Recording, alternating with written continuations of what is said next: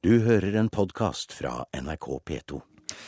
Skogen har en lang eh, kulturhistorie både her i landet og ellers i verden. Både som bosted for folk, for rekreasjon, åsted for jakt og matauk, og ikke minst som grunnlag for inntjening og næringsliv. Men skogen er også stedet der et menneske kan komme i synk med naturen og lære seg selv å kjenne. En av dem som har opplevd det, er forfatter Håkon Bull Hansen, som nå er ute med boken Til skogs. Velkommen til Kulturnytt, Bull Hansen. Ja, takk for det. La meg starte med et, starte med et lite frekt spørsmål. Er, er, denne boken et forsøk fra forlaget Kagge om å melke den interessen som kom i kjølvannet av eh, hel ved, nordmenns sans for trevirke, eller eh, har du andre planer med den? Ja, Lars Mytting gjorde en fin jobb han med det, og den kunne jeg ikke ha gjort. Men det er sånn med gode ideer at de kommer ofte samtidig. Og jeg tror det kommer til å komme mye mer om skogen i tiden framover. Hvorfor, hvorfor det? Jo, det er noe med at når, når, ting kommer sånn på avstand, som det har gjort nå, industrireisingens tid og skogens storhetstid, som, som pengene på bok, som kapital til å bygge landet, alle disse tingene her Når det kommer på avstand, så begynner vi å kjenne avstanden. Og da skjønner vi at noe kanskje er i ferd med å forsvinne, eller det er noe vi vil oppsøke på nytt.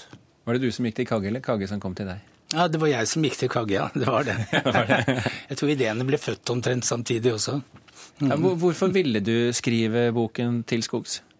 Ja, Det er jo, det er jo sånn man, man, går og tenker på og, og observerer at ting forandrer seg, men så glir det inn i glemmeboka. Det som skjedde for tolv år siden, var at jeg arvet en skog. Jeg, arvet, jeg trodde jeg arvet en hytte med trær rundt omkring, men oppdaget at det var forferdelig mange trær. Det var 900 mål med skog.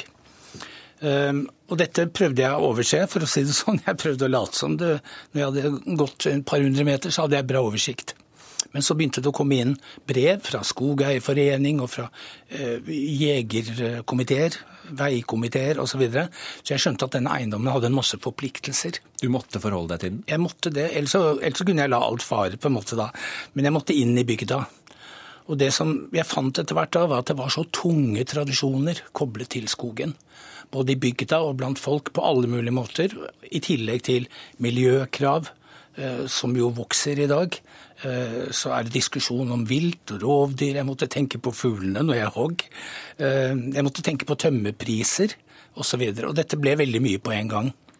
Så et forsøk på å forstå dette og rydde opp i dette, så fant jeg ut at det da kunne hjelpe å skrive om det. Det må jo sies da for lytterne våre at du er jo egentlig Oslo-gutt. Ja. I hvert fall, eh, vi kan godt kalle det det. er fra Nordberg, helt nord i Oslo. Jeg er fra Nordberg. Jeg vokste opp nesten i skogen i Nordmarka. Ja, det er nesten Nordmarka. ja, det det. Eh, og denne skogen din, den ligger i Buskerud? Den ligger i Lågendalen, et par mil sør for Kongsberg, i retning Larvik. Mm. Og det var min bestefars skog på morssiden. Og hans familie som kommer derfra. Vil du anse deg som et skogmenneske nå? Det var, det var et vanskelig spørsmål. Du kan si at det, Utgangspunktet mitt var at skogen var noe jeg bare var vant til. Altså Jeg gikk på ski, jeg gikk på soppturer osv. Um, men, men jeg så, så, her at skogen var så mye mer, og at den var fjern fra oss. og da, da måtte, var Min fordel som forfatter var at jeg hadde ingen kjepphester å ri gjennom skogen med. Jeg var ikke friluftsfantast, jeg var ikke tømmerhogger, jeg var ikke osv. Det ble var skogeier, men jeg skjønte ikke helt hva det var. Mm. Så Derfor så kunne jeg på en måte gå inn og beskrive skogen fra veldig mange synsvinkler. Og gjennom hele den prosessen så har jeg tillatt meg å være splittet. Jeg har sett både skogeierens synsvinkel og industriens synsvinkel, og jeg har sett naturvernerne, ulvevernerne eh, og eh, turmenneskenes synsvinkler. Men, men, eh, hva slags forhold vil du si at du har til skogen da, personlig? Jeg har et, eh, kan si jeg hadde et mangefasettert eh, forhold, sånn som dels ble schizofrent. Når jeg leste type offentlige meldinger fra regjeringen, hvor den ene ville plante igjen hele skogen, i hele landet, av CO2-hensyn, mens den andre ville hogge det ned av industrihensyn, og den tredje ville ta vare på det som det var. Ja. Og I dette her så, så ble mitt forhold til skogen var at jeg tok mer og mer skogens side i dette her. Hva er skogens side? Ja, Skogens side det er at den er en utrolig organisme som dekker en tredjedel av landet vårt og går jorden rundt, hvis vi snakker om det nordlige skogbeltet. Og den er så mangefasettert at vi klarer ikke å ødelegge den, selv i historiens løp, når vi virkelig har gjort vårt beste. Så skog, skogen rundt Røros på 1700-1800-tallet ville være uenig med deg, vil jeg tro? ja, ja det, er, det er mange snauhogget områder på Vestlandet. og Allerede i middelalderen, tidlig middelalder så var jo det uthogd. Men vi klarer ikke å ødelegge skogen der hvor den er, da, der hvor vi ikke utrydder den fullstendig.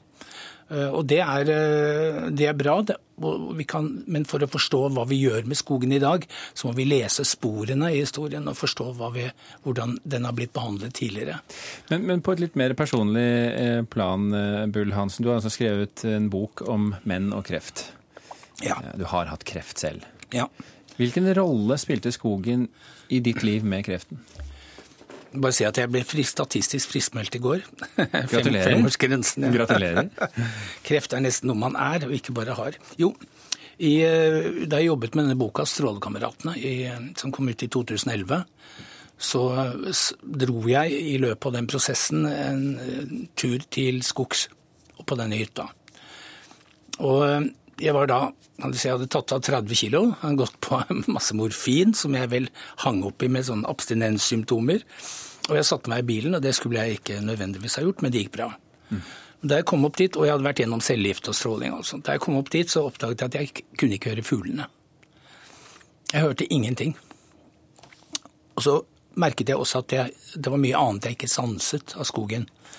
Men det var en sånn opplevelse at den eh, nesten rystet meg. Eh, og eh, og jeg fant ut at skogen måtte på sett og vis erobres tilbake, også personlig. Og, um, og da, da, lærer man seg hva skal vi si, å smake på skogen. Så det jeg gjorde da, var at jeg etter hvert forsøkte å forstå alt som skjedde når jeg gikk inn i en sopptur under noen trær, og jeg fikk spindelvev i ansiktet og kanskje skauflått oppi, oppi buksebeinet alt dette måtte jeg på en måte ta til meg og forstå hva som skjedde, hvordan jeg selv reagerte på det. Uh, og følge dyrelivet osv. Så, så det var en gjenerobring også av barndommens skog og uh, alle de måtene å oppleve skog på, for min egen del. Men, men har du fått eh, hva skal vi kalle det, en slags kontakt med det i oss mennesker? Det at vi har vært skogmennesker gjennom hele vår biologiske tilblivelse? Ja, jeg vil tro det. Så langt som det er mulig, uten å være nødt til å leve av skogen. Jeg har ikke lært meg å lese dyrespor eh, noe særlig, eh, selv om jeg kan se gaupespor i snøen og litt sånne ting. Men eh, så langt som det er mulig for et moderne menneske som nærmer seg dette, egentlig mer av lyst enn av nødvendighet. Ja. Men, men, har du et svar på hvorfor for, for, det er jo et faktum at uh, vi, selv vi byboere, vi, mm. ja, som vi er i Oslomarka eller Drammensmarka eller, eller Trondheimsmarka, ja. så tiltrekkes vi skogen. Vi er jo der ganske mye, til og med for matauk. Um, ja. Har du funnet noe svar på hvorfor vi tiltrekkes skogen? Nei, skogen er Altså For nordmenn så er jo skogen en nokså trygg organisme. og Det er ikke så mange hekser som spiser barn, og trollene bor her i fjellene og ikke i skogen i samme grad. Som I Sverige så snakker man om å være skogtatt. I Norge sier vi bergtatt. Så, så det, er, det, er, noe trygt og godt med skogen. Uh, men når vi nærmer oss skogen i Norge, så går vi tur, og vi gjør ting hele tiden. Og det For meg så ble det en bevissthet om å trenge enda et hakk inn. F.eks. at du må, når du går etter sopp i skogen, så må du kalibrere blikket. Og du må kjenne etter, du må føle, du må sanse hva slags skog du er i. Du må forstå hva slags skog du er i. Og det er en sånn komplisert verden at denne, denne verden vi lever i i bysamfunnene, blir veldig enkel og monoton i sammenheng. Er dette en anbefaling? Ja, det er i høyeste grad en anbefaling. Håkon Bull Hansen, tusen hjertelig takk for at du var gjest i Kulturnytt i ettermiddag. Du har hørt en podkast fra NRK P2.